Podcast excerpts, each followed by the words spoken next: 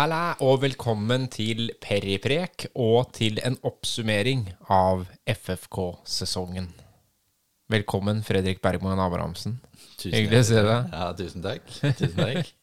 Du smiler. Ja, jeg har ikke noen grunn til å ikke smile. Ja, jo, det er et par grunner til å ikke smile, men det er i all hovedsak så må vi jo smile og være fornøyd med dette her, må vi ikke det? Jo. Ja. Fjerdeplass. Fjerdeplass, det er over all forventning. Det er ikke det er ikke sånn super over, men det er i hvert fall en meget godkjent sesong.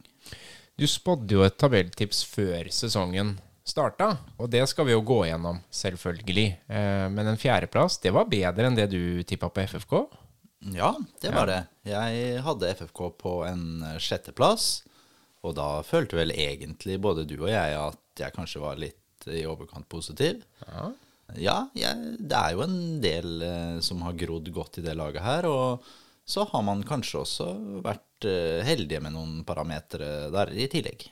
Men det er jo allikevel oppturer og nedturer i løpet av sesongen, for på et tidspunkt så hadde vi jo trua Kan dette gå hele veien? Det så jo veldig bra ut. Ja, det er sant, det. Eh, Jeg hadde Ja. Det var vel ikke sånn at jeg gikk og hadde helt eh, Jeg hadde ikke mer enn 50% trua på at vi skulle gå opp noensinne. Men det er klart, de første 20 matchene i år er vi veldig, veldig gode. Og da står vi ikke tilbake for eh, noen på tabellen. Kanskje sånn HamKam for så vidt, men det, de har jo utrolig stabile. Men sånn toppnivåmessig så er FFK det beste laget i Obos-ligaen i år. Absolutt det høyeste toppnivået, men har et lavere bunnivå enn både Ålesund, HamKam og Jerv. Men de 20 første kampene, det høres jo på en måte ut som det skulle gå enda bedre, kanskje, da. Hva var det som gikk gærent? Ja, så, sånn I ettertid så er det selvfølgelig bittert når du ser at uh, både Jerv og uh, Ålesund også egentlig har en sånn formdupp på slutten av sesongen. De siste ti kampene til de to lagene er ganske dårlige, de òg. Men så er vi enda litt dårligere. Det er jo selvfølgelig det er mange faktorer som spiller inn hvorfor det er såpass stor forskjell, i hvert fall fra de første 20 da, til de siste 10, sånn kvalitetsmessig. Og det, mye av det har jo Bjørn Johansen svart på. Og det handler jo om selvfølgelig at man motstanderen finner litt ut av FFK, hvordan man ønsker å angripe, hvordan man tilnærmer seg en kamp, og hvordan du legger opp kampplanen. Og det er klart, den type høye press som vi kom ut med i starten av sesongen, var det nok ingen av motstanderne som var ordentlig godt forberedt på. Så det tjener vi selvfølgelig mye på. Mens mot slutten av sesongen så finner jo motstanderne ut av den, og de spiller mer kynisk mot oss og spiller over ledd. Og det klarte vi egentlig aldri å finne helt ut av. Vi hadde selvfølgelig et par uh, Ålesund-kampen i sin helhet. Der er vi mye bedre. Ålesund hjemme, altså 2-2-kampen på slutten, skulle vi selvfølgelig vunnet. Der er vi mye bedre igjen. Og vi gjør også en veldig god annenomgang mot KFUM i kvaliken. Men det er ikke sånn at guttene på en måte fikk så trua at de begynte å slappe av? Skjedde det noe i spillergruppa, sånn du ser det? Nei, vet du hva, det, det syns jeg blir sånn Det blir spekulativt. Det er selvfølgelig en dynamikk i alle spillertropper, og det er noen som er, føler, føler seg både i bedre form og er mentalt bedre forberedt innen i de forskjellige deler av sesongen. Men jeg, jeg tror ikke det er noe kollektiv kollaps sånn Nei, sett. det var ikke av noen skader eller liksom Ja, da snakker vi om noe helt annet når vi snakker om skader. Ja. Det som FFK har vært problem, stort problem for FFK i år, det er jo disse småskadene og ting som man ikke blir kvitt. Og det kan du se litt på andre lag òg. Det er flere lag som har hatt noen langtidsskader, men FFK er jo utrolig eh, plaga av disse skadene som er litt eh, eh, vanskelig å sette fingeren på hva det egentlig er. Jeg finner, klarer ikke å finne ut av det. Og det er som jeg, Vi satt og snakka om det her for en stund tilbake, og da sier vi sånn det, det er jo Den tolvte mannen til Fredrikstad er jo Er du sikker på at det er eh, supporterne? Det virker som det er en kar som heter Kjenning. For eh, jeg syns eh, hver eneste spiller er sånn Han har en liten kjenning. Jeg er ikke helt sikker på han en liten kjenning. Kjelsrud har vært eh, Han har hatt så mye kjenning her i år, så det går ikke an. Begby igjen kjenning. Love mye kjenning. Ja, og så selvfølgelig Jakob Lindstrøm. Mye kjenning som man ikke finner helt ut av. ja, men er det treninga, da? Eller altså trener de for hardt, eller Nei, jeg tror ikke de trener for hardt. Jeg tror det er tilfeldig, det er mye tilfeldigheter. Vi er uheldige, rett og slett. Ja, vi er litt uheldige, og så er det så klart så har man kanskje, hvis du ser i forhold til enkelte andre lag da, som har en mye mindre tropp, så ville man kanskje spilt selv om man hadde hatt disse kjenningene. Og det er jo sånn, jeg, sånn som med KFUM for eksempel, så er det Jørgen Hammer. Og det sier ikke det er riktig, men han spiller jo da, han har gjort en operasjon, og spiller, kommer tidlig tilbake, og han spiller, og helt til han ser at skruen kommer ut av ankeren på han. Ja. Det hadde man ikke gjort i FFK. Ja. det skal man heller ikke gjøre, men det er kanskje noe med det å Når man har en såpass, føler seg såpass trygg på stallen, så da kan man vente inn at spillere skal bli helt fullstendig klare. Noe som jeg tror kanskje i en periode på sesongen der kan ha gått litt utover ja, prestasjonene til laget i sin helhet. Nå sitter vi jo på fasiten da, på dette tabelltipset som Mm. du hadde. Skal vi eh, gå løs på det? Begynne Ja. fra bånn, eller? Ja, gjerne det. Ja. Ja, jeg bomma der. Ja. Hvem hadde du helt nederst på 16.-plass? På 16.-plass så hadde jeg Grorud. Grorud, ja. Og de endte på 13. Grorud endte på 13. Mm. Det gjorde Grorud pga. at de hadde en god midtbanespiller i Sefeiris, som vi visste før sesongen at kom til å bli god. Eh, Han har nå gått til Haugesund, og han er bra. Og så hadde de toppskåreren i Oskar Aga, som skåra vel omtrent halvparten av måla deres. Men Grorud imponerte og klarte seg akkurat, men dem hadde jeg helt sist. Så er vi på 15.-plassen. Hvem hadde du der? Der hadde jeg Stjørdals-blink. Ja, så der var du nære, for de endte på 14.-plass. Ja da, så bomma bare på én plass med dem. Jeg kan si meg fornøyd med den. Ja, det syns jeg ikke er dårlig. Ja, det er vanskelig å touche det akkurat. Og Stjørdalsblink er eh, knallgode hjemme. Helt eh, jævla dårlig borte. Ja. 14.-plassen. Der var det Raufoss som jeg hadde. Ok. 11.-plassen, som de endte på. Ja, altså jeg syns ikke den heller er helt gæren. gærent. Det er jo samme, ganske tett der. ja, samme sjikte. Ja. Fra, 15, fra 11. til 15. plass så er det jo 34 poeng så, og 29. Ja da. Det er ikke mye Nei, det, blir- det blir små marginer. Ja, det blir en del tilfeldigheter der, altså. Ja. Og så er vi da rett over eh, nedrykk, da. 13. Ja, skal vi snakke om den plassen? For der er den groveste bommen. Ja. For der har jeg KFUM. Der er det KFUM, ja. Og de endte altså på femteplass. Mm. Ja.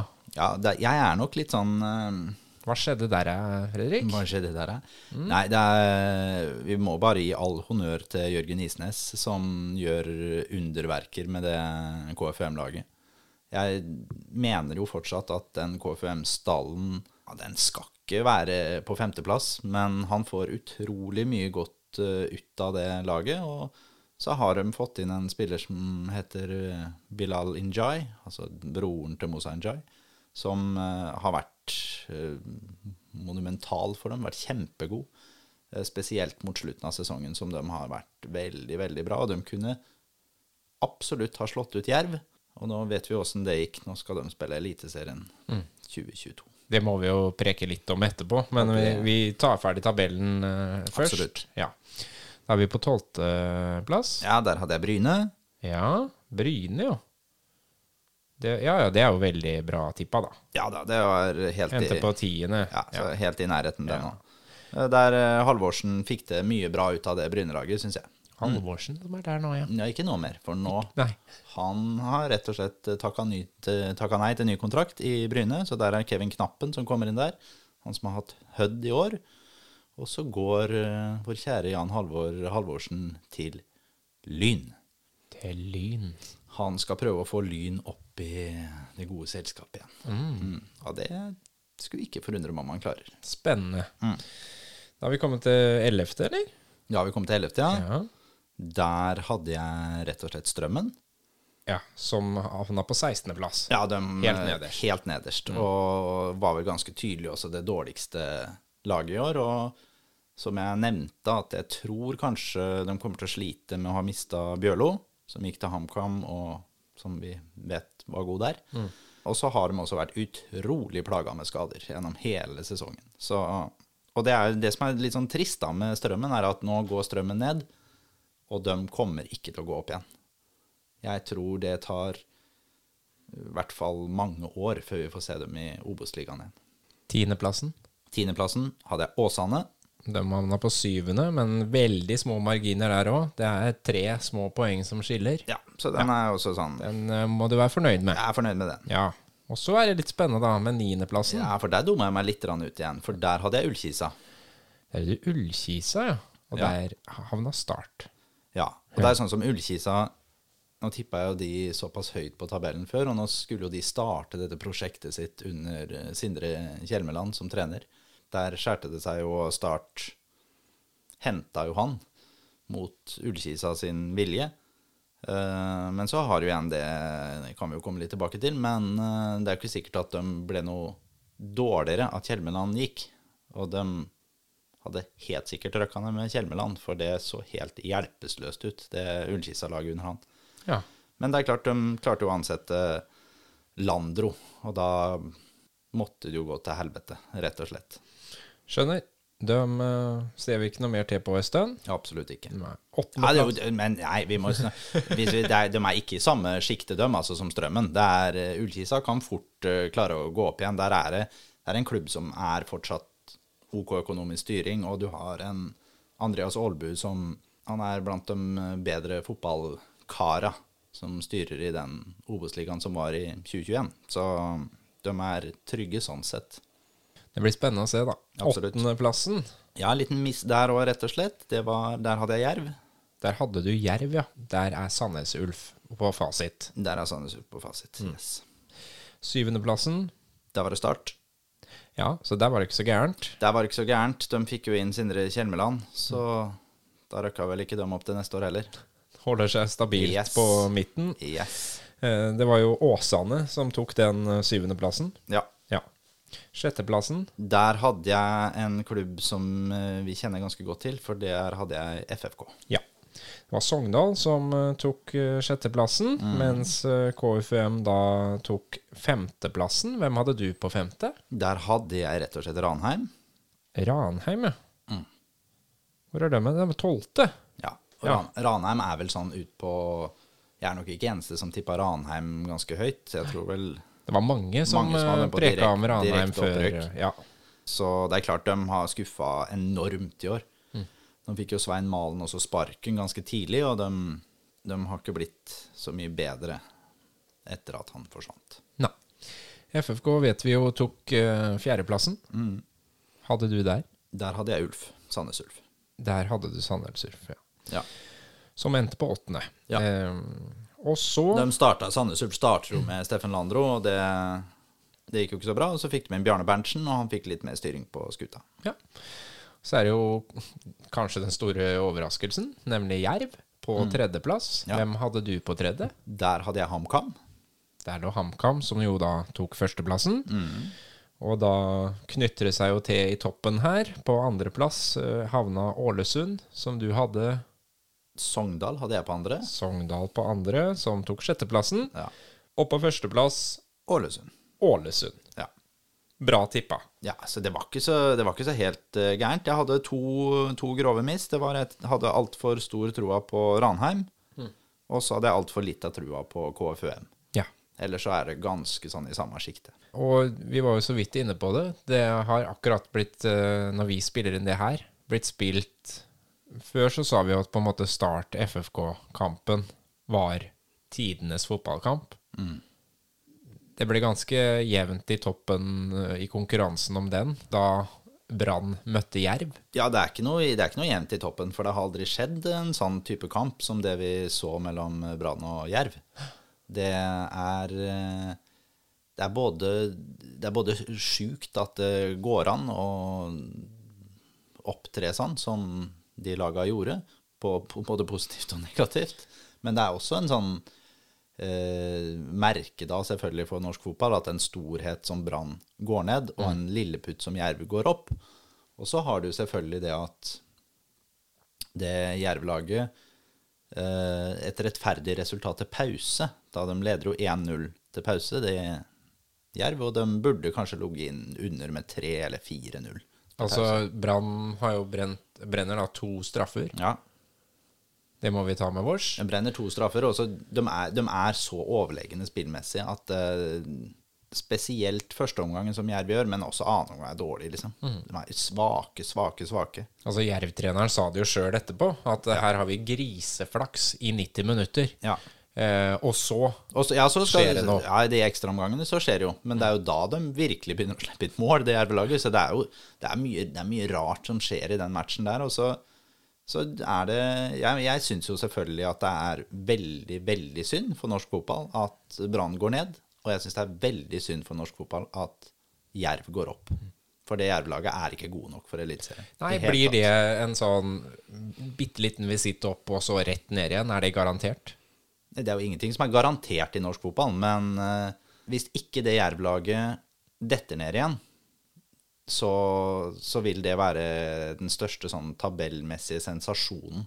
For vi må, det Jerv-laget er mye sånn, Vi snakker om da Ranheim gikk opp til Eliteserien, så var det mye uh, hurlumhei og, og altfor dårlig for Eliteserien. Kristiansund gikk opp med små midler, var altfor dårlig. Mjøndalen gikk opp med små midler, var altfor dårlig.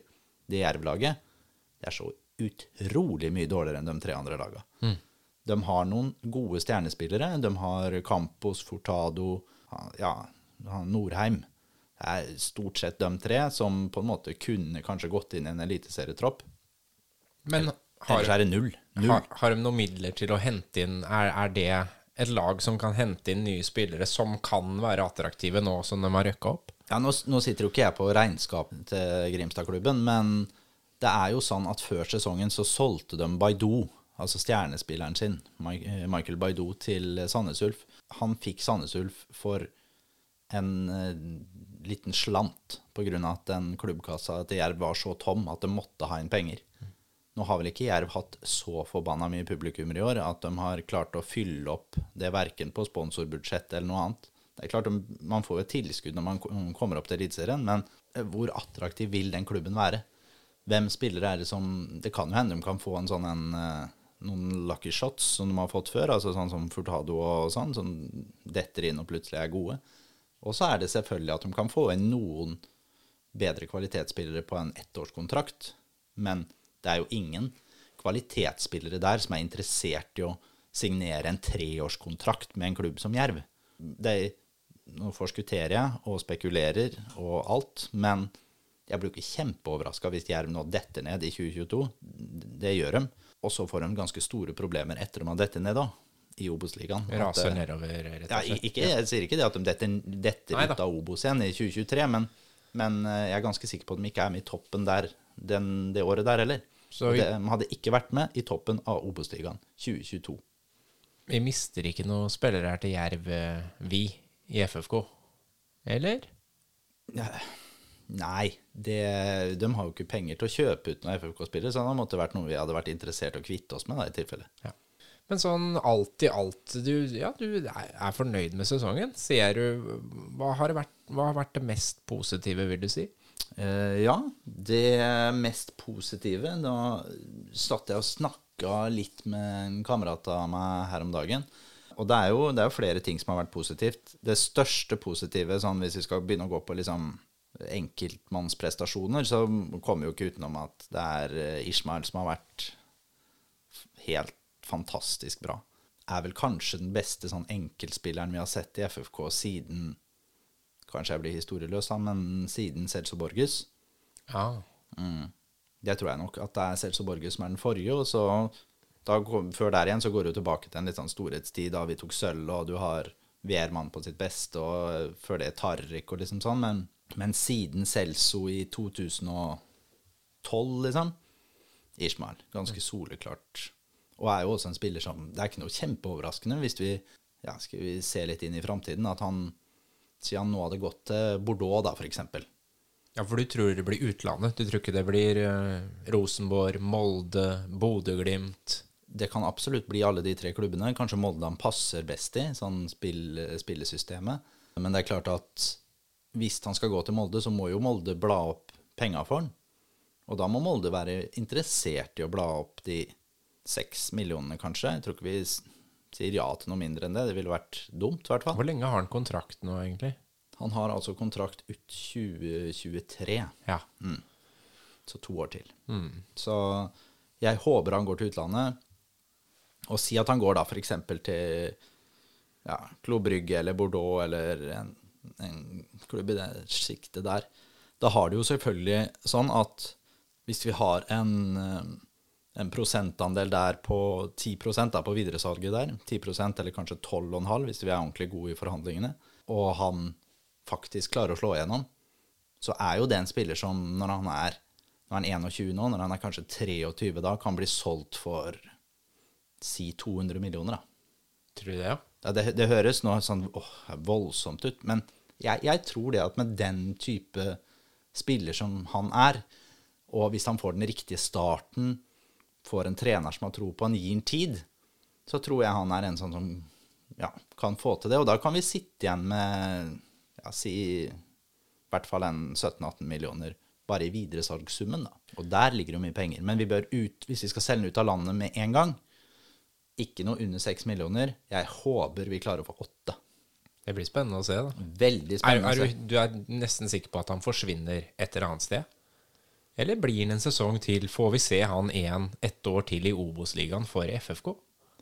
Jeg tror han går. Jeg må si det. Jeg tror han går. Eh, men så vet jeg jo samtidig at han trives godt i FFK. Han virker som en gutt som har bena godt plassert på jorda, og skjønner at hvis han skal gå ut, så må han gå til en klubb som han blir satsa på. Han kan ikke bli solgt for 5,5 million til en eller annen klubb som han skal være nummer 22 i stallen. Det kan du ikke gjøre som 21-åring, og det håper jeg han skjønner sjøl. Og da, da er det selvfølgelig sånn at hvis ikke ikke riktige klubben eh, dukker opp, så ja, kanskje han har godt av et år til. Eventuelt så er det jo mye enklere å flytte på folk på sommeren. Sommerpausa da de store ligaene er mellomsesong. Så det er mulig vi får se han et halvt år til. Holder på den litt til, ja. Ja, og det, det vil kanskje bli enda vanskeligere for da, å erstatte den midt i en sesong. Vi snakka om plusser og minuser, og det er mye, mye plusser og minuser. Vil du ha flere? Jeg vil ha flere vil plusser. ha flere? Ja, flere plusser? ja Okay. vi, vi tåler en liten pluss til, og så skal vi ta det negative. Ja, da kan vi se sånn helhetlig med spillestil, stall, trener, hele den biten der. Jeg er imponert og syns det er et stort pluss hvor tøffe og uredde vi var i starten av sesongen. Jeg syns vi, vi går til med en sånn en litt sånn fanivoldsk faenivoldsk eh, Vi tar initiativ i matchene, og vi tør å stikke fram brøstkassa, og vi er litt sånn mannfolk utpå der. Og nå har det vært mye snakk om at Lindstrøm får mye gule kort, og, men fy faen, det er deilig å se. De gule korta smeller ned noen. Det- Jeg syns det er fint, det. Og så skal være litt vondt å møte vårs. skal være litt vondt, og det tror jeg det var de første matchene. Det var litt sånn, de, Plutselig så fikk motstanderen ordentlig respekt og ble redde. Og det syns jeg var godt å se på. Pluss til kanskje det største plusset, som i hvert fall hvis vi snakker om de siste ti kampene, da, det er Ståplass Nord. Ja. Altså supporterne. Jeg er jo ikke borti der, eh, men fy fasen så imponerende det har vært, det, det som de har stilt opp med de siste matchene. Et ordentlig trykk fra tribunen som det ikke er noen andre som har vært i Obos-ligaen i år, kan stille opp med. Nå vet vi at Brann kommer til neste år, så det kan jo bli en artig batalje. Men det vi har sett der, det har vi jo ikke sett på ja, Hvor lenge siden er det vi har sett det på Fredrikstad stadion? Den type vi har, de kampene mot Brann og liksom sånn. Men der, da har du jo en sånn veldig massivt oppmøte. det sånn- Folkekampene, 16. mai, de der ja, ja, ja. Men nå har vi jo liksom sånn Det som skjedde under den KFU, annenomgangen mot KFUM Det er 2000 mennesker på tribunen. Det var altså Det var helt fantastisk trøkk. Og det Kristiansen og gjengen borti på Ståplass Nord der har gjort, det er Det tror jeg er utrolig viktig FFK, for FFK som klubb. Og det håper jeg de skjønner også oppe i administrasjonen, hvor viktig det er å ta vare på det der og bygge opp under. Det handler om hvordan hele produktet FFK ser ut også på TV-skjerm. Superviktig. For det her skjedde midt i sesongen, eller at man liksom gikk fra en litt sånn aktiv, men kanskje litt færre plankehaugen til en større gruppe? Ja, det er jo sånn at eh, som det er i mange fotballklubber, så er det mange sånne supporter-undergrupperinger. Eh, og det er veldig mange bra folk som ønsker det beste for FFK. og Så sitter man kanskje litt på hver sin tue og og har sitt eget lille styre og bestemmer ditten eller datten. Den paraplyen som har blitt Ståplass Nord, der alle på en måte, ettersom jeg opplever, i hvert fall er velkommen, og det har selvfølgelig Jeg vet det har vært litt gnisninger der òg, men, men det vil jo alltid være. Så syns jeg det er, det har blitt en sånn helhetlig bit som har vært veldig, veldig fin å se på. Og så er det gøy med syngende supportere. Hvor lenge siden vi har hatt det? Det er jo supergøy. Kjempebra. Morsomt. Bra, da. Mm. Ja. Veldig bra. Så er det jo minusene, da. Ja, jeg skal ta ett kort pluss oh, ja. til, og så skal jeg gå direkte over på minus, for Ja. det henger så godt sammen. Du skal snike deg Jeg skal snike til meg. Ja. For hvis vi hadde hatt nå en sånn uh, halvårsoppsummeringspod på sommeren, så hadde jeg sagt at eh, Stian Strei Molde De første 15 kampene til Stian Strei Molde i år, da var han altså den beste venstrebekken i Obos-ligaen. Han var god offensivt, trygg defensivt, han var med på alt. Pluss. Så kommer minus. De siste 15 kampene til Stian Stree Molde, da er han blant de dårligste venstrebekkene i hele Obos-ligaen. Han er nesten ikke med offensivt. Uh, nå vet jeg jo at Begby også denne sesongen har slitt med skader og sånn, men For det var alternativet. det var i all hovedsak alternativet. Uh, og jeg hadde veldig gjerne ønska å sett eh, Ludvig litt mer på høsten, men jeg, jeg forstår det at det er mye skader og sånn. For, for eh, Stian Stree Molde var ikke god. Og det er ikke det, er ikke det jeg mener at han, han er grusom i matchene. Men han bidrar for lite. Det blir for, det blir for lite produkt fra en bekk. Det blir, det blir en bekk som man var på 1993 disse stillestående bekkene som ikke går over midtbanen. Torgeir Bjarmann, mener du? Ja, han var vel midtstopper, men Og var jo også ganske offensivt Ja, god. det var det, vet du. Det var det, vet du. Så det var, Men, det var eh, 93. ja. Dennis Schiller. Oh, Dennis Schiller. ja, ja. Han var ganske offensiv, faktisk. Absolutt. Det er dem jeg Ja, husker. det er dem du husker. Det er kanskje akkurat det som er poenget. At er dem som eh, blir igjen Ja, ja, eh, jo- hjemme, dem ja, ja. huser man ikke. Ja, nei, for ikke sant, den derre Og det var, det var så utrolig stor forskjell fra åssen han kom og kom og kom på overlapp eh, første halvdel av sesongen, og så var det slutt. Eh, og det er jo Mm. Men det er, det er, jo, er vel ikke bare en enkeltspiller sin feil? Det er vel noe med Nei, hele laget, ja, spillestilen Det er selvfølgelig kollektivet. Vi ble, vi ble dårligere utover i sesongen. Og produserer mindre, og har også dårligere avslutninger. Og det er Alt henger jo sammen, og det er en mental bit i allting. Uh, og det er klart at hvis du er redd for å bli kjørt overganger på, så tør heller ikke bekken å gå like høyt. Så det, alt det der henger sammen. Men han for meg ble et veldig sånn tydelig eksempel for å bare slå et stor forskjell. Så får vi se åssen det laget kommer til å se ut til neste år. Ja, det er jo kjempespennende. Altså, vi tar litt flere minuser først. Ja, vi tar minus først. vi må bli ferdig med minusene først. Vi har vært litt innom skader og kjenninger.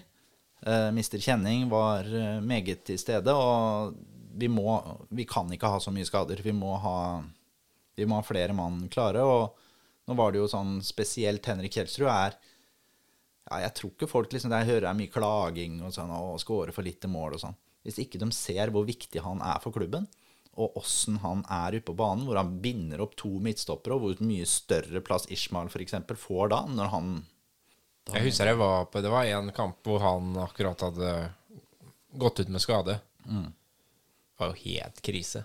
ja, det, det er veldig stor forskjell, og jeg er fan av Nico Solberg, ja, altså, men det er en helt annen type spiller. Eh, han har en bedre avslutningsteknikk, og det er bedre nærteknikk og sånn, men han, han, gjør, han tilfører noe helt annet for laget, og Henrik er kjempeviktig. Så han må holde seg skadefri. Og så har vi da Jakob Lindstrøm, som også er eh, dynamoen i laget, og er den som på en måte skal eh, styre og diktere tempo i spillet. Kan ikke være så mye skada. Fikk en 15 kamper eller noe sånt? mm. Halvparten. Og da er det jo også sånn der, Det vi hører, er i hvert fall Han er ikke helt klar. Er ikke helt klar. Faen, Når er man klar? Er jo skada hele sesongen. Så det snakka vi jo om før sesongen. At hvis du sa det jo da, er han mye ute, da har vi et problem på midtbanen. Ja. Vi har ikke noen som kan gå inn i samme rolle og ta den eh, gutset. Nei, i hvert fall ikke sånn direkte. Nå har vi jo henta sånn som eh, Adnan, som tar et eh, likt type ansvar, men en helt annen type spiller. Absolutt viktig å holde Jakob skadefri til neste år hvis vi skal gå med den samme midtbanekonstellasjonen som nå. Eh, og så skal vi gå på en spiller som på en måte også Nå, nå er vi litt tøffe her, er vi ikke det? Tør det? Og da er det en annen spiller som jeg syns skuffer mye utover i sesongen. Og det, det er litt sånn trist å si, egentlig. For det, det er en spiller som jeg har liksom hatt så troa på, syns er god. Jeg sa også før sesongen så sa jeg at midtstopperparet vårt, det er solid, det er bra, der er jeg trygg. De kan vi gå opp i Eliteserien med. Det tror jeg ikke i dag. Og det går på at uh, Mats Nilsen, han er utrolig bra og jevn og god. Han er god på nærkampspillet, og han er god i oppspillingsfasen. Han har det som trengs. Men ved siden av seg så har han Ayo Alesami. Han starter sesongen bra, han òg, og det er ikke så mye å ta han på.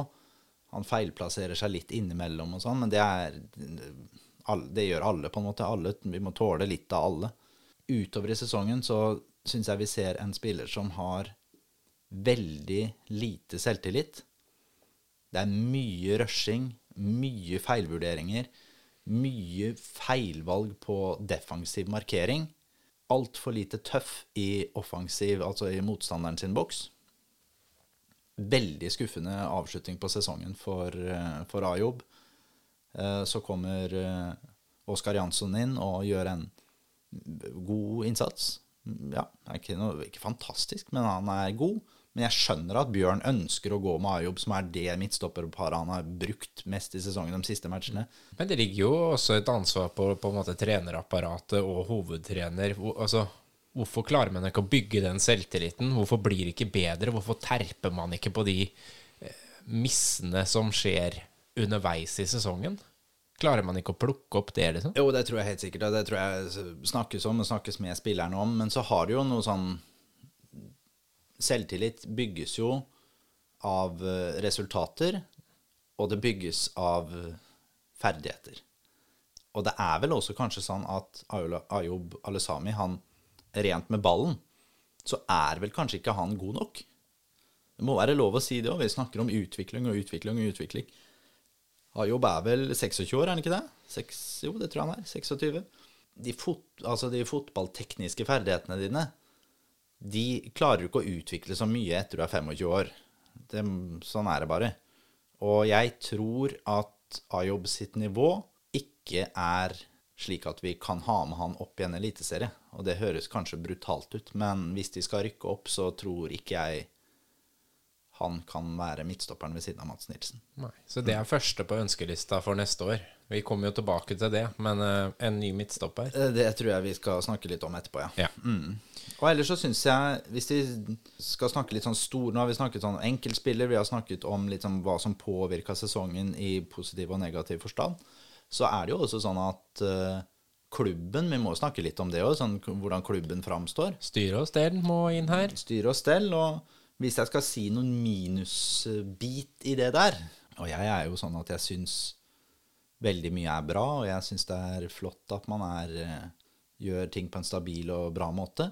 Men jeg skulle vel kanskje ønske meg Og det er jo utrolig rart å si rundt FFK, men jeg skulle vel ønske meg litt mer Litt mer sirkus. Litt mer uttalelser som er litt litt tøffere. Ikke så forbanna gjennomtenkt allting. Det er veldig det er veldig en kamp, kamp av, gangen når vi bygger klubb. Er, jeg snakker ikke om trenerapparatet, de syns jeg er ganske tøffe. Er du på øverste ledelse? Ja, jeg er vel egentlig på ja. ja hvordan klubben ønsker å framstå. Jeg syns det, det, blir pent og pyntelig. Skikkelig og ordentlig og møblert, men lite røft og lite tøft. Og det Jeg syns at vi må kunne være Vise litt mer eh, bare overkropp og litt mer hud og være litt eh, mer guts og litt tøffhet i intervjuer. Og, også liksom kunne Jeg veit ikke, men litt sånn eh, ja, positivt sirkus.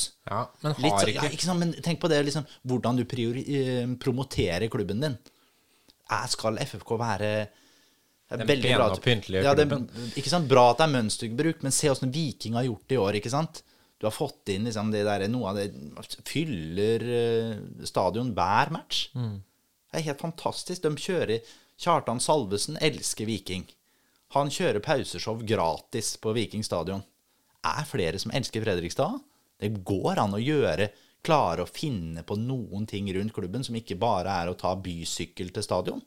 Men det har jo også vært et problem da, for FFK at enkeltpersoner på høyt nivå har tatt for mye plass, har stukket fram sitt tryne, har på en måte blitt ansiktet utad for klubben, på godt og på vondt. Er det ikke det man liksom på en måte vil litt vekk fra, å bare bygge en god, stabil organisasjon? Er ikke det positivt, da? Jo, det er veldig positivt. Det er veldig positivt. Jeg er helt enig. Og hadde vi snakket om dette her for noen år tilbake, så hadde jeg sagt at det er det som er viktig. Slutt med det. Jeg tror faktisk du sa det før sesongen Ja, det kan kan til henne. Ja. Slutt med mælet, Må vær Kom dere ned på Vis at du kan bygge klubb og vi er stabile. Helt, alt dette her. Det er riktig. Men der er vi nå. Kan vi ikke nå prøve å gjøre Jeg sier ikke at, jeg sier ikke at det er noe gærent som blir gjort, men kan vi gjøre litt ekstra? Litt mer lekende, litt mer gærne, Sånn, er det det du vil ha? Ja, men være litt sånn tøffere i, i tinga. Finn på noe rundt eh, klubben. Mm. Lag, noe, lag noe gøy med sosiale medier. Ikke sant? Vis fram klubben på en kul måte. Vi har ganske mange spillere òg som er ganske sånne Jeg tror det er ganske sånne artige gutter. La dem få vise at de er litt artige. Vis fram klubben. Få oppslag i VG. Få den derre TV 2-saken.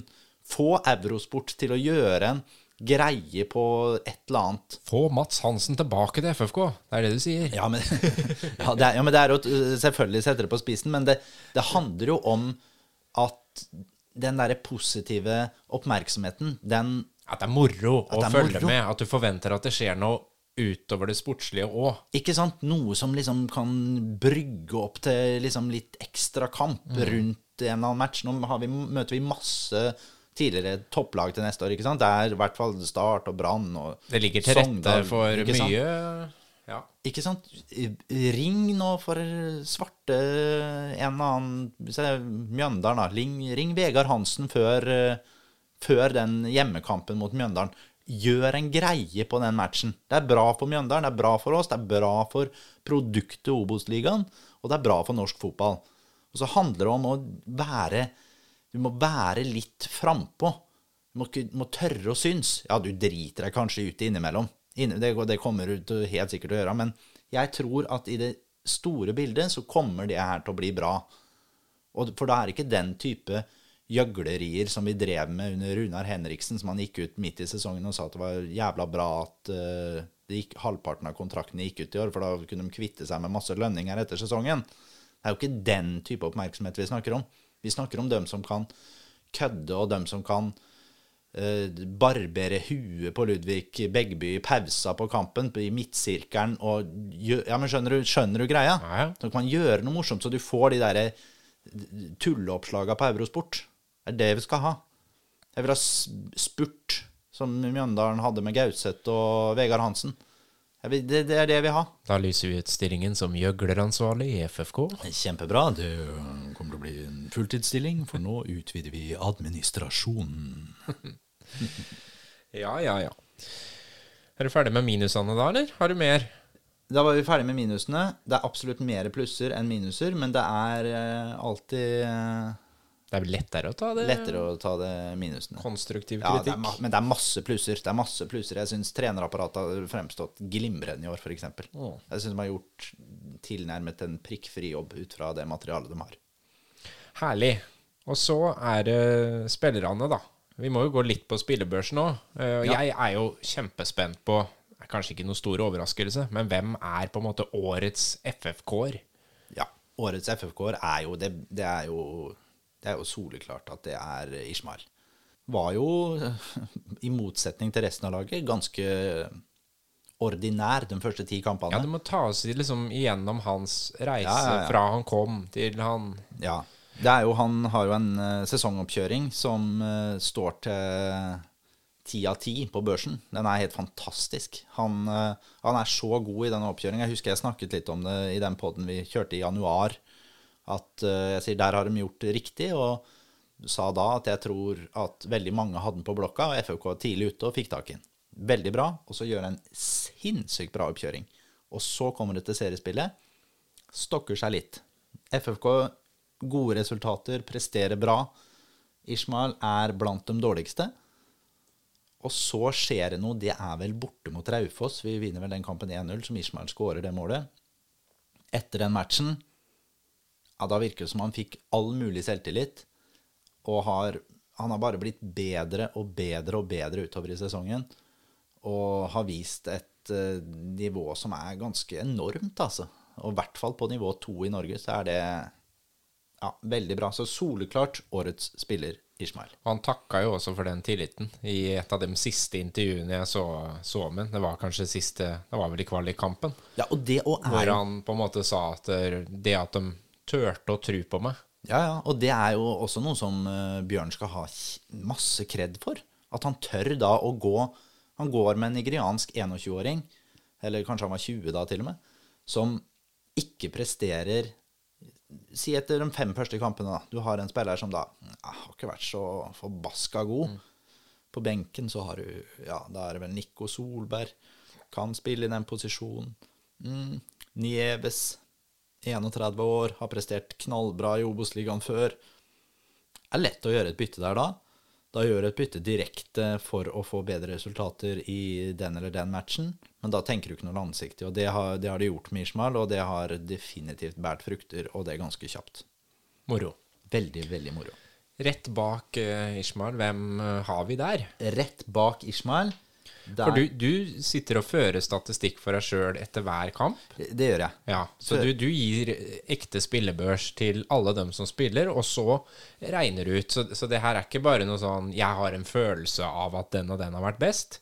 Dette er uh, ditt tallsystem. Det er, det er, mitt tallsystem, og det er og da, Som selvfølgelig er fasit. Ja, det er selvfølgelig fasit, og, det, og da kjører jo ikke jeg en sånn en jeg forstår det at man må jo ikke sammenligne med Premier League-nivå og sånn. Da, da, er det mitt i mitt hode. Fredriks Fantasy. Fredriks Fantasy fra 1 til 10 på ja. børsen. Ja. Og jeg kan både være litt for snill og sikkert også litt for streng. Men det blir i hvert fall sluttproduktet, og nå har jeg runda det ned til nærmeste 0,5. Ja. Altså hele eller halve tall. Ja. Er du klar? Jeg er klar. Da er du som sagt, vi har snakka om Ishmael. Han havner da på egentlig 7,8, så da får han en åtter. Og det er ganske Nå kjører jeg sånne børser ganske ofte. Og en åtter i gjennomsnitt på børsen min er bra. Ja, det er altså så langt over hva noen har hatt for meg før. Jeg har sett mange av de børsene, mm. både frivillig og ufrivillig, holdt jeg på å si. Du prakker jo på folk, så kommer og sier 'se på det her', ja. Se på det, stemmer. Dette er riktig. Ja. Uh, nei, så han får en åtter. Uh, men vi har også en uh, Skal vi se, vi, er, nei, vi har to mann på sju. og det er Mats Nilsen som gjør en meget, meget god, stabil sesong. Han er omtrent like god i første kamp som han er i siste kamp. Det er ikke mye, mye feilskjær eller formdupper eller sånn han har hatt. Og syns også han har klart å luke bort mye av de litt arrogante feila som han har hatt før. Og tror også der han gutten der skal ha lite lederansvar. Han skal konsentrere seg om seg sjøl og spille benhard fotball. Ja, nettopp. nettopp. Ellers så er eh, det på tredjeplass en uh, annen uh, kjenning, som nå vil jeg nesten si han er Kråkerøy-gutt, men er egentlig mossing, og det er Håvard Jensen i mål. Håvard har gjort en meget, meget god sesong. Han har vel i all hovedsak bare én dårlig kamp, og det er bortekampen mot Jerv. Eh, ellers så er han veldig, veldig god. Tar nye steg stadig. Nå er det vel eh, forbedring litt nå på feltarbeidet. Nei, men han er bra. Han er blant Obos-ligaens i hvert fall to-tre beste keepere. Eh, skal vi se litt eh, ellers, eh, da er vi nede på sekstallet. Og der har vi Filip Aukland og Thomas Drage og Nico Solberg. Og det er kanskje litt rart med Nico Solberg som ikke har spilt så mye, men han, han har en god del matcher i ja, da Kjelsrud var ute der, som han skåra mye mål og var god og stabil. Og gjør en, ja, gjør en god sesong. Og det gjør også de andre, som sagt.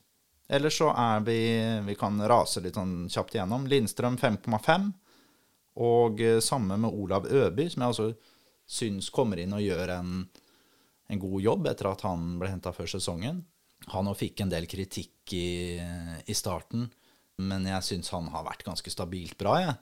Eh, men det er klart, hvis Olav Øby spiller, eller hva skal jeg si, er den spilleren han var i annenomgangen mot KFUM, da er det ikke snakk om at ikke han skal spille hver jævla match på det FFK-laget. Var han god, da?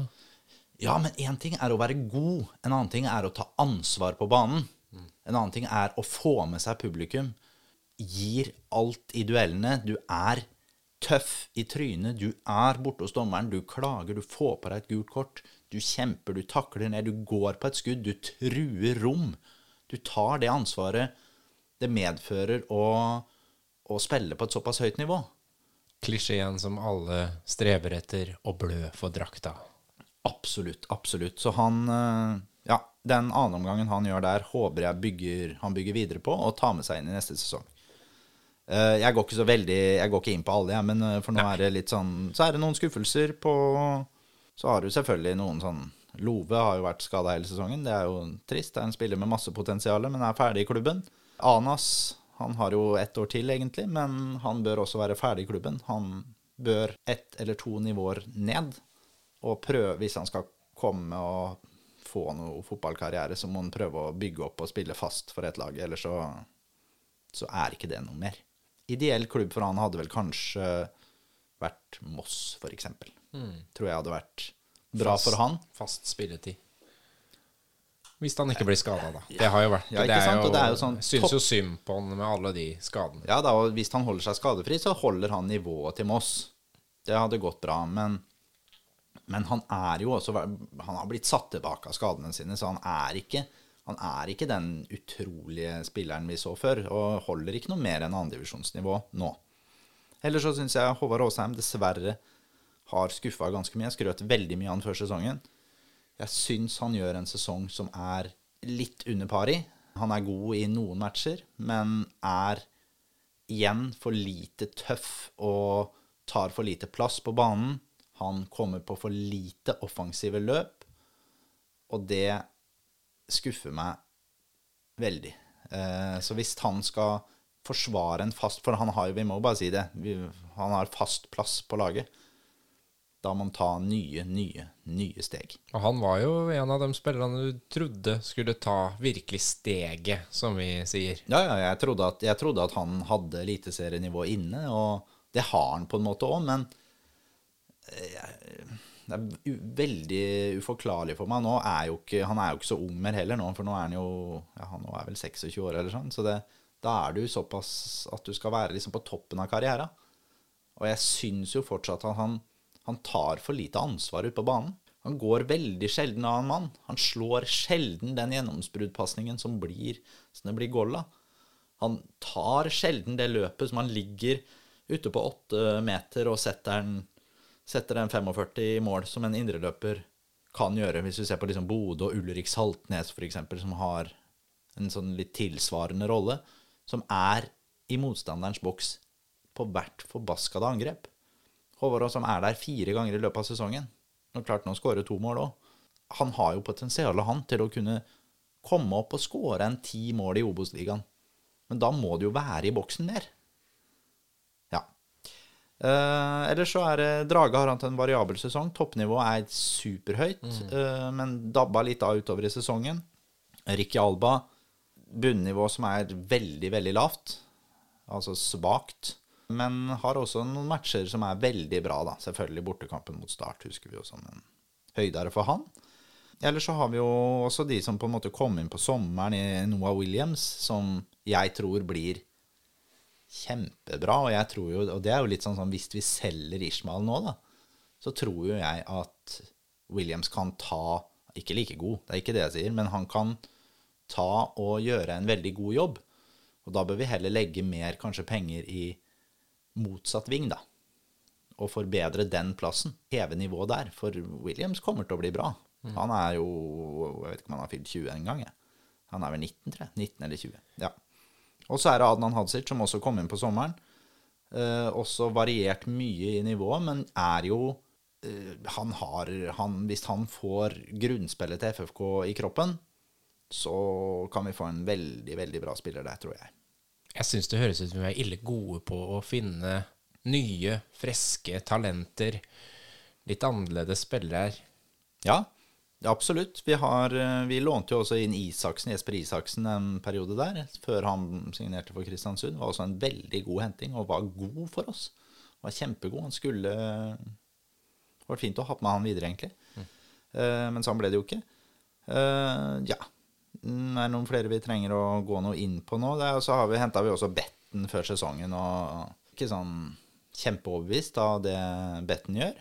Men gjør også noen gode innhopp. Men Um, hadde nok en Fredrikstad-gutt uh, som heter Simen Raffen gjort også, hvis vi hadde henta han isteden. Mm. Mm. Gjør vi det nå? Nei. Nei. Vi, nå har vi jo Vi er så godt besatt på høyrebekken og sånn, og da må tilfelle bli tiltenkt en venstrebekkplass, og da må vi jo i tilfelle da ikke gi ny kontrakt til Begby. Ja, men da er vi inne på hvem skal inn og hvem skal ut. Uh, vi kan ta hvem som skal ut først. Hvem tror du ikke spiller for FFK neste år? Ja, da vet vi jo at ikke Alexander Karstensen spiller for oss til neste år. Eh, vi vet at ikke Nieves spiller oss for oss til neste år, og det, det, er jo kanskje litt sånn synd, sånn at ikke Nieves er der. Når, uten at jeg sitter og vet hva man tjener, men jeg tipper at han hadde en OK lønn i FFK, så man sparer inn litt lønnsmidler. Men kanskje han hadde vært interessert i å signere for en litt lavere sum, og man kunne hatt med seg en veldig positiv sånn treningsvillig spiller videre. Mm. Men det er jo et eh, valg som selvfølgelig klubben har tatt, og sikkert på godt grunnlag. Um, og så er det vel uh, enda en som er ferdig. Hvem er det siste som var ferdig, da? Love? Ja, selvfølgelig. Love, ja. Love er jo ferdig, og det, det er jo synd og trist at Love er ferdig, for han er jo han har en utrolig sånn X-faktor i spillet, men du, du, må være tilgjengelig mer enn 30% av kampene i løpet av tre år. Så helt riktig. Det er alltid veldig gøy når han kom inn. Altså, ja. det skjedde, skjedde, noe helt annet. Ja, og der snakker du som uh, jeg òg liker å snakke, for man snakker som i det supporterperspektivet, så man ser jo bare de bra tinga. Ja. For det er klart, han uh, Hvis du begynner å analysere den og studere den litt, så klarer han jo han klarer jo faen ikke å plassere seg i det hele tatt i det defensive spillet, så du spiller jo med én mann mindre defensivt. Ja, ja. Men det ble fart ut på sida der, da. Ja, det ble fart, og han er kjempegod offensivt og god til å gå én mot én og høy toppfart og alt dette her, og er jo en sånn publikumsspiller. Men der du ser Ishmael som er den soleklart beste spilleren til FFK, han er stjerna, men likevel så går han og løper ned til sitt eget cornerflagg og gjør en takling der nede, og så tar med seg ballen og går oppover. Det gjør ikke Love. Det er ikke det at han er at han er primadonna og ikke gjør det, men jeg tror ikke han liksom Han har ikke helt det taktiske huet da, til å gjøre de tinga der. Mm. Så, de er ferdig. De er ferdig. Og så regner Anas har ett år til. Jeg håper for hans del For FFK så spiller det jo ikke så stor rolle, men eh, jeg håper at han finner seg en ny klubb. Og så er det litt spennende å se hva som skjer selvfølgelig med Getz og Solakis. Nå har ikke de fått mye tillit i år og får prøvd seg. Tror nok kanskje det er lurt for de òg, selv om de er lokale, å komme seg videre til en andredivisjonsklubb og få prøvd å få spille litt. Kunne Få litt erfaring? Ja. Beklager. Kunne det vært noe med liksom Strømmen, Ullkisa og noe sånt? Hadde man Eller er man gode nok for det? Jeg er ikke sikkert det heller, altså. Og så har du noen sånne andre litt sånn usikre kort. Og det er hva gjør man Ja, altså vi får ta Begby òg, da. Jeg er jo Begby gjør en veldig god Hva er det han fikk for noe? En siste halvtime eller noe sånt? Eller det ble jo kanskje ganske mye mot eh, KFM.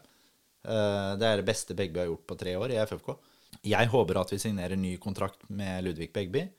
Både fordi han er lokal, fordi publikum er litt ekstra glad i ham, men også pga. at han har, selv om han har mista en del fart og sånn med disse skadene sine, så har han, og det viser han der, at han har nivået inne. For meg så hadde det vært, syns jeg, han hadde jeg likt å sett at han hadde stilt likt med Stian Stree Molde nå når han starter oppkjøring, og at vi kanskje får se han på mer på banen i 2022. Men da må han jo få ny kontrakt først, selvfølgelig. Det gjør han sikkert enten eller i løpet av en ukes tid nå. Eh, så da har vi snakka om de som ikke har kontrakt, og noen som har kontrakt, i Anas Getz og Solakis. Og så er det liksom noen andre som også kanskje er litt sånn usikkerhetsmomenter, og det er Oskar Jansson kontra Ayo Balesami. Hvordan skal jeg få sagt det på en klar nok måte? Vi må hente en ny midtstopper. For at hvis vi skal, hvis vi skal ha målet skal være å være helt i toppen og skulle kunne gå opp, så må vi ha en bedre stopper. Og da er det sånn at da må enten Oskar Jansson være stopper nummer tre, altså den som vi skal sette inn først.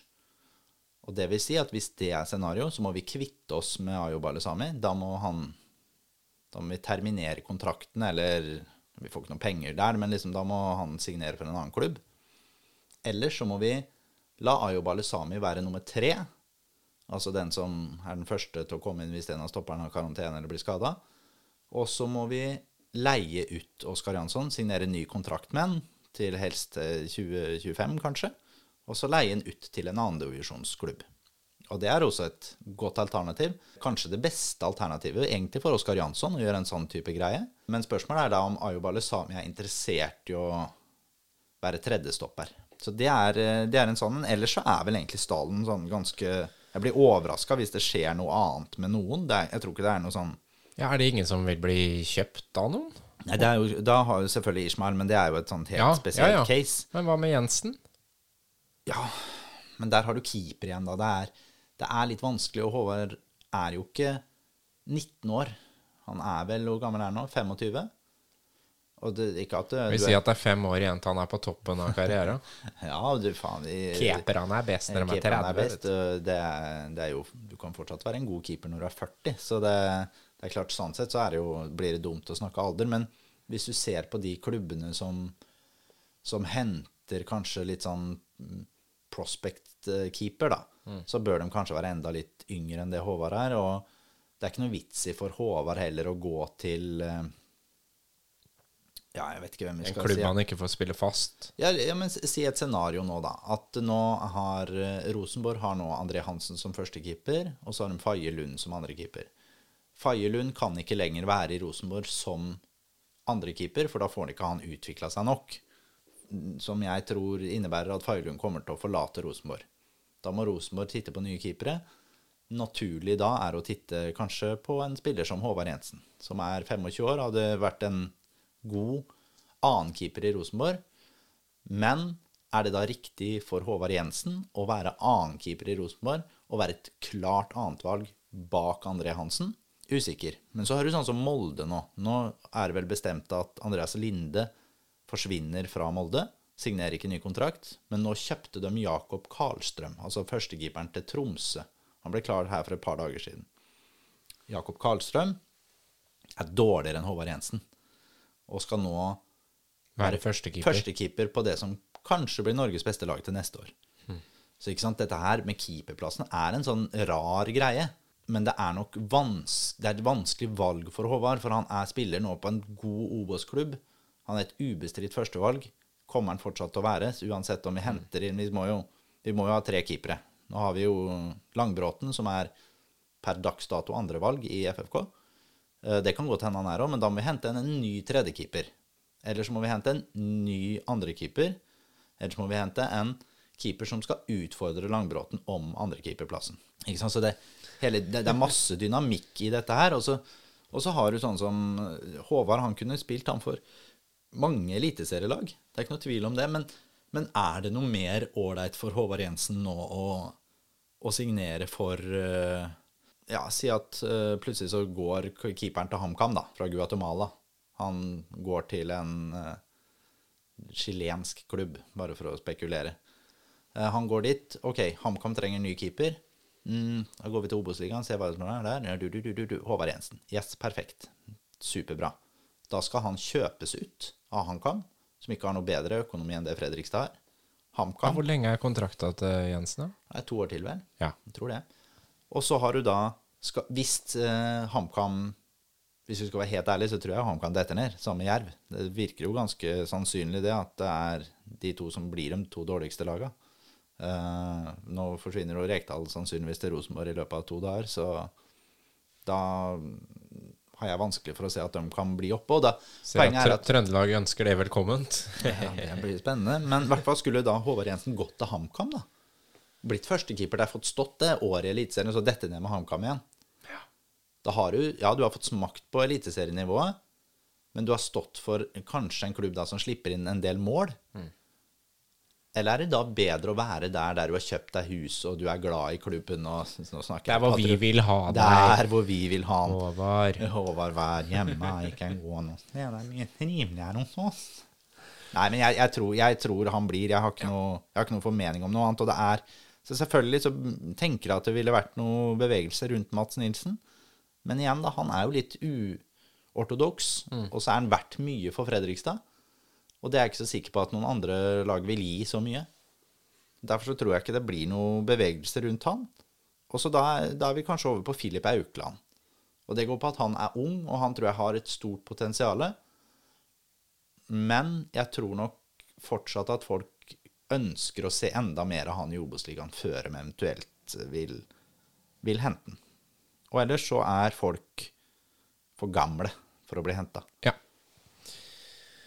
Skal vi bevege oss øh, med en sånn spåkule inn i framtida nå? Ja, fy faen, jeg er helt tørr i kjeften allerede. Så Ja. det Du må ta deg, det står julebrus til deg der. Å, deilig. Skal ta en slurk.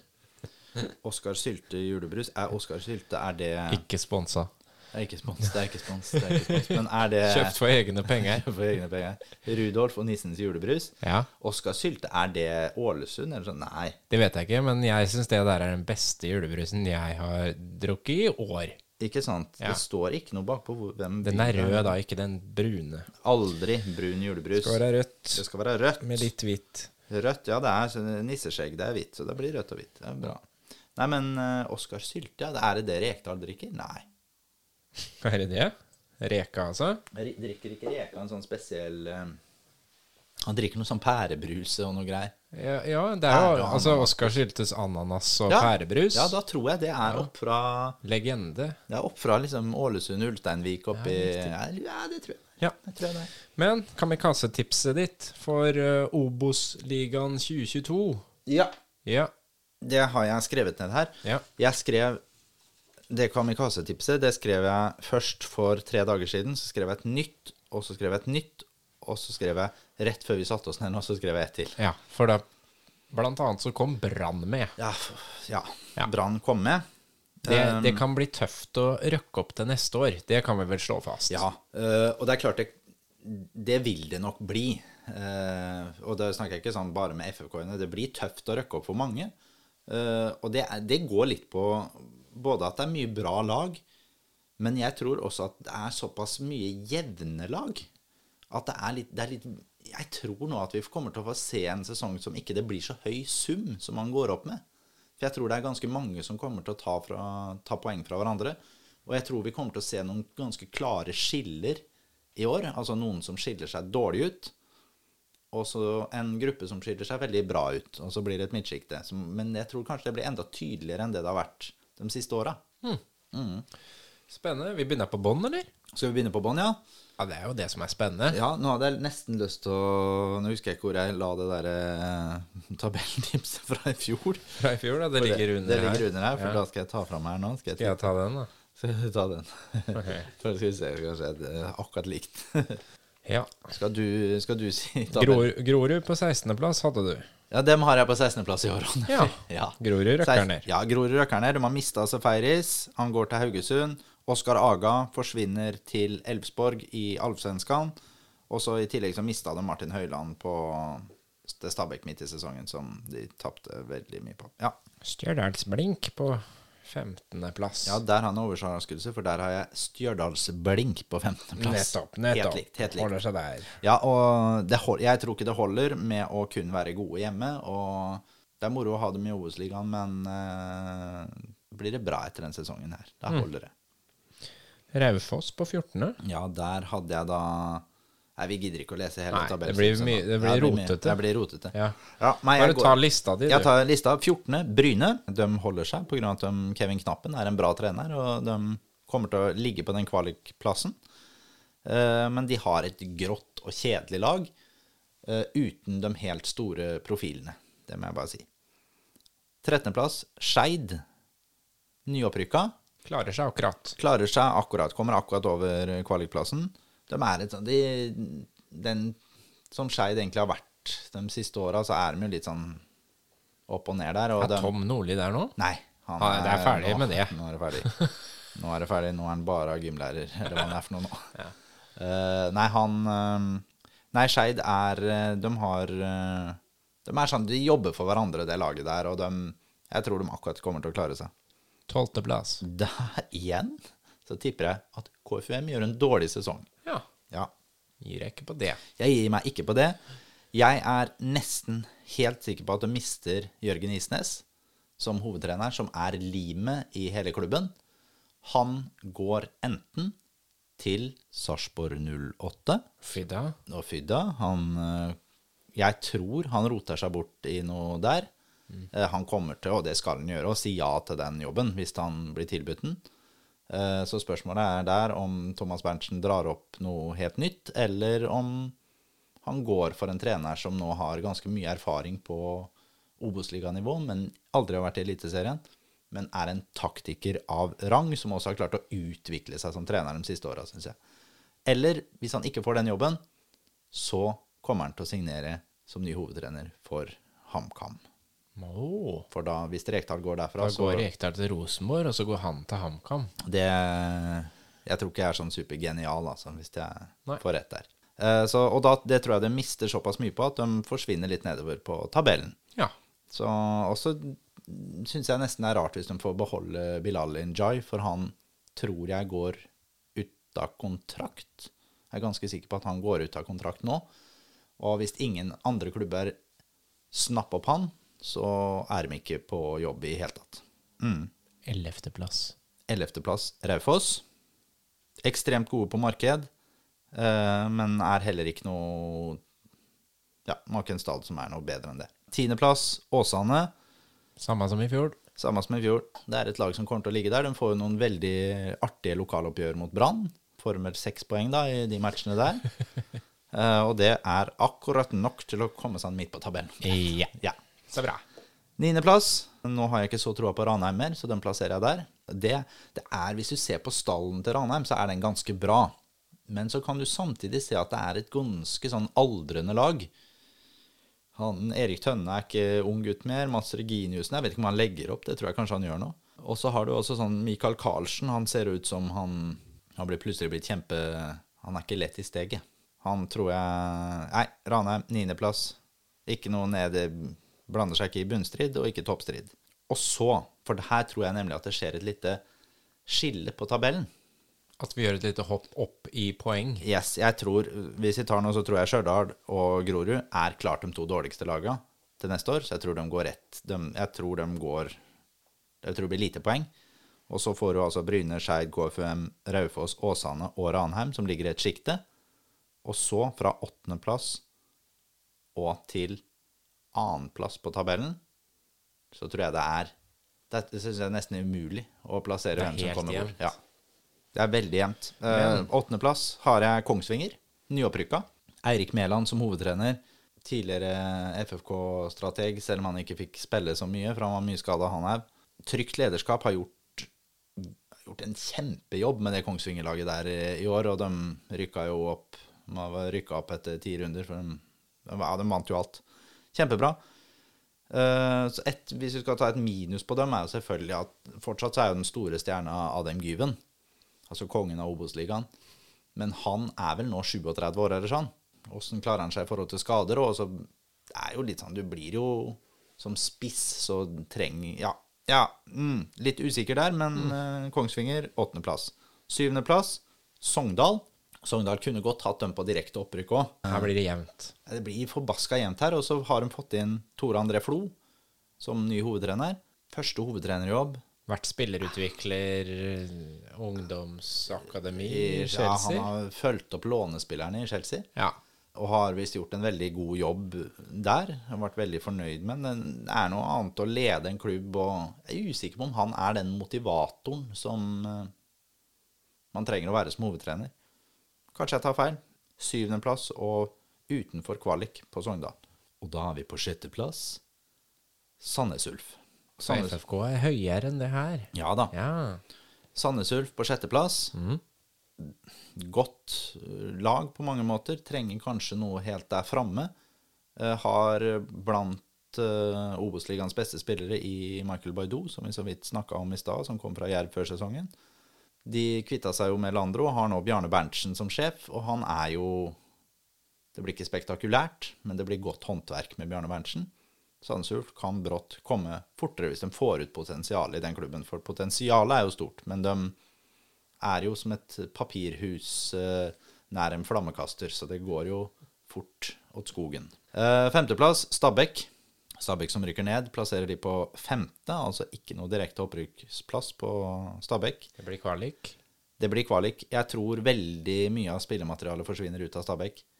Eh, og så er de jo alltid flinke til å utvikle spillere, men jeg tror de, ja, de mister jo helt sikkert sånn som Fredrik Haugen og Mattis Bolli og sånn. De kommer ikke til å bli med ned til Obos-ligaen. Det kommer til å ha interesse, interesse av dem i Eliteserien. Og har jo ikke kontrakt med Bolli er jo egentlig under kontrakt med Molde. Mm, Som sagt, jeg tror en del forsvinner ut der, og det har jo også sånn eh, Oliver Edvardsen og sånn, som har potensial til å være blant de beste spillerne i Obos-ligaen. Han tror jeg også går til en eliteserieklubb før vi er i gang. Femte på Stabæk, og da er vi på fjerdeplass. FFK. Start. Nei! Har du så trua nå? Ja, det- det forandra seg litt. Hæ? Ja. Nei, men som jeg sier, at dette her er Jeg vet ikke om jeg tipper med hjertet, kanskje, jeg kanskje er det jeg gjør, men jeg er usikker. Får håpe det. Ja, men det er, så, det er veldig jevnt her, altså. Ja. Det er, hvis du ser på de spillestallene og altså, Når vi er så tidlig som vi er nå, så blir jo alt spekulativt, og hvor, hvor vi tror man kan hente inn eh, Ja, ja, ja. spillere, og hvem- hvem lag kommer til å gjøre de og de forandringene, hvem, hva gjør det med stallen, ikke sant. Alt dette her. Eh, jeg tror Start på fjerdeplass. Mye bra i den eh, startstallen. Spesielt så er jo jeg en stor fan av Scholze på midtbanen, som hadde vært den perfekte midtbanespiller i FFK. Det mener jeg fortsatt. Baidu eller Scholze, perfekt for FFK. Men de spiller i noen andre klubber, da. Jeg har eh, god troa på den spillertroppen til Start. Noen minuser. De trenger også en ny spydspiss for å kunne hevde seg der oppe. Spennende å se hva den er. Hvis de, er, hvis de treffer der, så kan Start være en direkte opprykkskandidat. Eller det er de nå, men enda tydeligere, da. Men så har de Sindre Kjelmeland som trener. Er en trener jeg har liten tro på. Kanskje jeg må spise i meg de orda, men det er en naivitet i den måten som han ønsker at lagene sine skal spille fotball på, som er litt skremmende, syns jeg. Jeg syns det blir litt sånn dum dristig. OK? Ja. Tredjeplass ja. FFK. Tredjeplass. Det kan vi ta. Det tar vi med glede. Vi tar det med glede, men det er klart, det er jo ikke noe direkte opprykk, så Nei, men da er jo ut fra målsetningen så når vi det jo egentlig ikke, men det Men eh, ja. Jeg er superfornøyd med tredjeplass. Ja, altså være med helt i kvalik. Én plass opp fra i fjor, liksom. En plass opp. Og jeg plasserer FFK der ut fra kontinuiteten i stallen. Kanskje den klubben i hele Obos-ligaen som har mest kontinuitet i spillerstall. Eh, ledelse og trenerapparat. Så sånn sett så har jo det vist seg at er lurt. Så er det selvfølgelig mister vi Ishmael, og vi ikke klarer å erstatte den på en god måte, så er brått FFK på åttendeplass. Så dette her henger jo godt sammen. Og så er vi helt avhengig av å få inn en ny stopper. Og da holder det ikke å hente, jeg vet ikke, liksom en stopperen til Grorud, eller stopperen til Stjørdalsblink, eller en stopper fra Hødd. Vi må hente kvalitet som hever oss. Jeg antar jo Nå tar vi det her midt i tabelltipset, men jeg antar jo at vi er der nå når vi bygger ut administrasjonen som vi gjør, og vi ansetter altså ny 100 %-stilling på marked, vi, vi bygger ut trenerroller rundt laget, vi har eh, betaler mer til speider og speidertjenester, at det er sånn at vi er såpass greit økonomisk stilt at vi kan hente en midtstopper og hente en spiller som hever laget. Ellers så blir det for meg rart å bruke så mye penger på Apparatet, på apparatet rundt. Og det, jeg skjønner at man bygger videre for flere år og sesonger framover, men det handler også om å være her og nå og, og bygge videre på den oppturen man faktisk har. Og hvis man ikke gjør det da, hvis man velger å ikke bygge ut spillerstallen eller gjøre spillerstallen bedre Nå har vi jo kvitta oss med eh, Love, som sikkert har en god sum penger, og Michael, som også har det samme. Det, det bør jo være noen midler der å bruke. Hvis man ikke gjør det, så, så vil jo det også være ganske dårlig gjort, spør du meg, mot Bommen og gjengen, som skal prøve å få resultater ut av dette her. Og det, det, da, derfor så antar jeg at det, det bør komme, og det regner jeg med at det gjør. Yes. Og da er det direkte opprykksplassene. Da har vi bare to lag igjen, så det er ikke så jævla spennende grunn. Andre- og førsteplassen. Andreplassen, da har vi Mjøndalen. Ja. Ja. Mjøndalen som uh, røkka ned, var altfor dårlig for Eliteserien. Her òg er det, spørs det veldig åssen de klarer å beholde spillerstallen. Men det er jo en del spillere her som er sånn Er de gode nok for Eliteserien? Men de er i hvert fall veldig gode på Obos-nivå. Eh, og da snakker vi om Olden Larsen, Rønning Ovenstad, Eriksen, Nakkim. er ganske mye gode spillere der. Nakkim antar jeg at de mister. Bra stopper, så han bør gå til en annen eliteserieklubb. Men i hvert fall beholder de mye av den kjernen, så tror jeg at de blir tøffe å knekke. De har et problem på keeperplass, det må de løse. Vet han, Idar Lysgård er en keeper på nedre halvdel i Obos-ligaen i nivå. Sosha Makani er jo selvfølgelig en knallkeeper, men han vil jo ikke være der mer. Så det må de løse. Men ellers Mjøndalen annenplass, førsteplass Brann. Det kunne jeg gjetta. Det kunne du klart å gjette. Ja. Hvis Brann bygger videre på det de har gjort nå mot slutten av sesongen, så skal Brann være veldig mye bedre enn alle de andre laga i den divisjonen her. Men har de ikke fått seg en voldsom trøkk? Det har vært mye greier med den klubben. Spillere som har måttet gå på dagen. Jeg kan jo ikke skjønne noe annet enn at de må miste et par nå når de røkker ned. Ja, og det er jo litt av det som er hele spenninga her da nå. Hvem er det som er salgsobjektene i den stallen her? Da har du kanskje Robert Taylor, finsk landslagsspiller, syndebukk nå i straffekonken. Straffebom. Ja, men han, han har et nivå som, som tilsier at han bør spille i Eliteserien, og kan nok være mulig at det er noen som er interessert i å legge en million på bordet for han, f.eks. en spennklubb som Haugesund. Eh, og så har du Aune Heggebø, den unge spissen. Jeg tror ikke han flytter seg noe sted. Det tror jeg han verken vil eller noe annet. Sammen med Vassberg. Ung, lokal, blir. Wolfe tror jeg også blir. Så er det jo de midtstopperne de har henta. Da. da har du han Dern Serry, han dansken. Han kan selvfølgelig være mulig at han drar tilbake til Danmark. Eller så er det Jeg tror ikke det er så veldig mange som vil være av sånn stor interesse for noen andre klubber.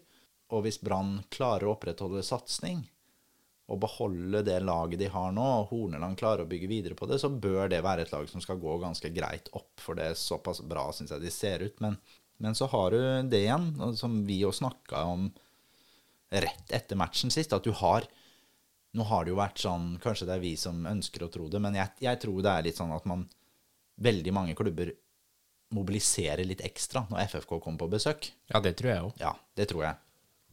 Til neste år så kommer den mobiliseringa til å være rundt den brannkampen. For det er det laget nå som er det store laget, det er publikumslaget, det er oppmerksomhetslaget. Vi får litt mer hvilerom, Vi kanskje. Vi kan faktisk få litt sånn gratis uh, reise av det, så det er en positiv bit for FFK igjen. Selvfølgelig, ting hadde vært sett mye annerledes, helt annerledes ut om det var Jerv som var der, men uh, ja. Men når vi har sagt dette her, så tror jeg Brann går opp. Ellers er det helt åpent mellom Mjøndalen, Fredrikstad, Start, Stabæk, Sandnes Ulf, Sogndal og til og med Kongsvinger, tror jeg. Det blir noen helt, det blir noen helt ville oppgjør, da. Jeg tenker også på, på sidelinja. Disse treneroppgjøra. Det begynner jo å samle seg en del gode navn i Obosen nå. Det er klart det er en del eh, sånn trenere som du liksom har hørt mye om, og som på en måte syns litt i media. Og det er jo klart, Vegard Hansen i Mjøndalen, han er jo, jeg regner med han fortsetter som trener. Han, han er vel ikke mer enn et par og 50 år, så han har vel i hvert fall gode 35-36 år til som Mjøndalen-trener. Det må vi regne med. Ja, det regner vi med. Uh, Bommen har vært lenge i Fredrikstad nå. Har jo blitt enda tydeligere, syns jeg, i rollen sin. Han er flink til å uttale seg og ja, liker det godt. Og så har du, så har du selvfølgelig sånn som Eirik Kjønøy Stabæk, på en måte. En, en av disse unge profilene da, som, som skal finne sin rolle og har Kan ikke si noe annet enn han mislykka i Stabæk. Når du røkker ned, så har du jo mislykka. Sånn er det. Så er det Bjarne Berntsen i Sandnes Ulf, som er en gammel ringrev og ikke du peller på nesa. Sogndal, Tore André Floin. ikke sant? Spennende. Liksom, se- Morsomt. Ja, det er kjempemorsomt. Så det er en del sånn ja, Det er en del gøyale personligheter som er med også, selvfølgelig på, på spillersiden som eh, vi får ned. Og vi får jo Brann i Heltene Nilsen, som kommer til å være Han kommer til å være drittsekk i hver eneste match, han. Jeg tenker Han må jo elske å spille i Obos-ligaen. Må jo elske det der, å gå i, gå i dueller og, og faktisk nå være bedre enn de andre. For det er jo ikke noe tvil om at Heltene Nilsen Han er jo ikke noe bedre enn noen spillere han i Eliteserien. Men han er jo så viljespiller, så han blir jo allikevel kjempegod ute på banen. Så nei, han tror jeg kommer til å bli meget bra. Kommer til å komme på årets lag i Obos-ligaen i 2022. Der håper jeg det kommer til å være ganske mange Fredrikstad-spillere òg. Forhåpentligvis. Ishmael kommer sikkert til å være der hvis han blir beholdt i FFK. Ja. Men hvis han går, altså hva, hvem blir den store overraskelsen i FFK til neste år? Hvem har du trua på? Hvem tar det såkalte steget? Neste steg Ja, jeg tror jo at Jeg håper det er en midtstopper som spiller ved siden av oss. Nei da, jeg tuller. Nei, jeg tror den som jeg får si tar steget Hvis Ishmael går, så tror jeg det blir Noah Williams. Moro. Det tror jeg det blir. Jeg har stor tro på han som spiller, og ja, han tror jeg lykkes. Ellers så tror jeg Filip Aukland kommer til å ta nye steg. Og så blir det spennende å se hvordan midtbanekonstellasjonen blir. Der er det jo sånn at Thomas Drage tenker jeg han er fast, og skal være fast. For han, han bidrar med noe som ingen andre kan, både med gjennombruddspasninger og, og, det å ha hodet kaldt. Så han, han blir der. Jakob Lindstrøm kommer også til å spille fast hvis han er frisk nok til å være fast. Så da er han der. Ellers så er det jo den siste indreløperposisjonen som har vært Håvard Aasheim sin. Der kan jo både Adnan, Olav Øby og Håvard Aasheim konkurrere. Usikker.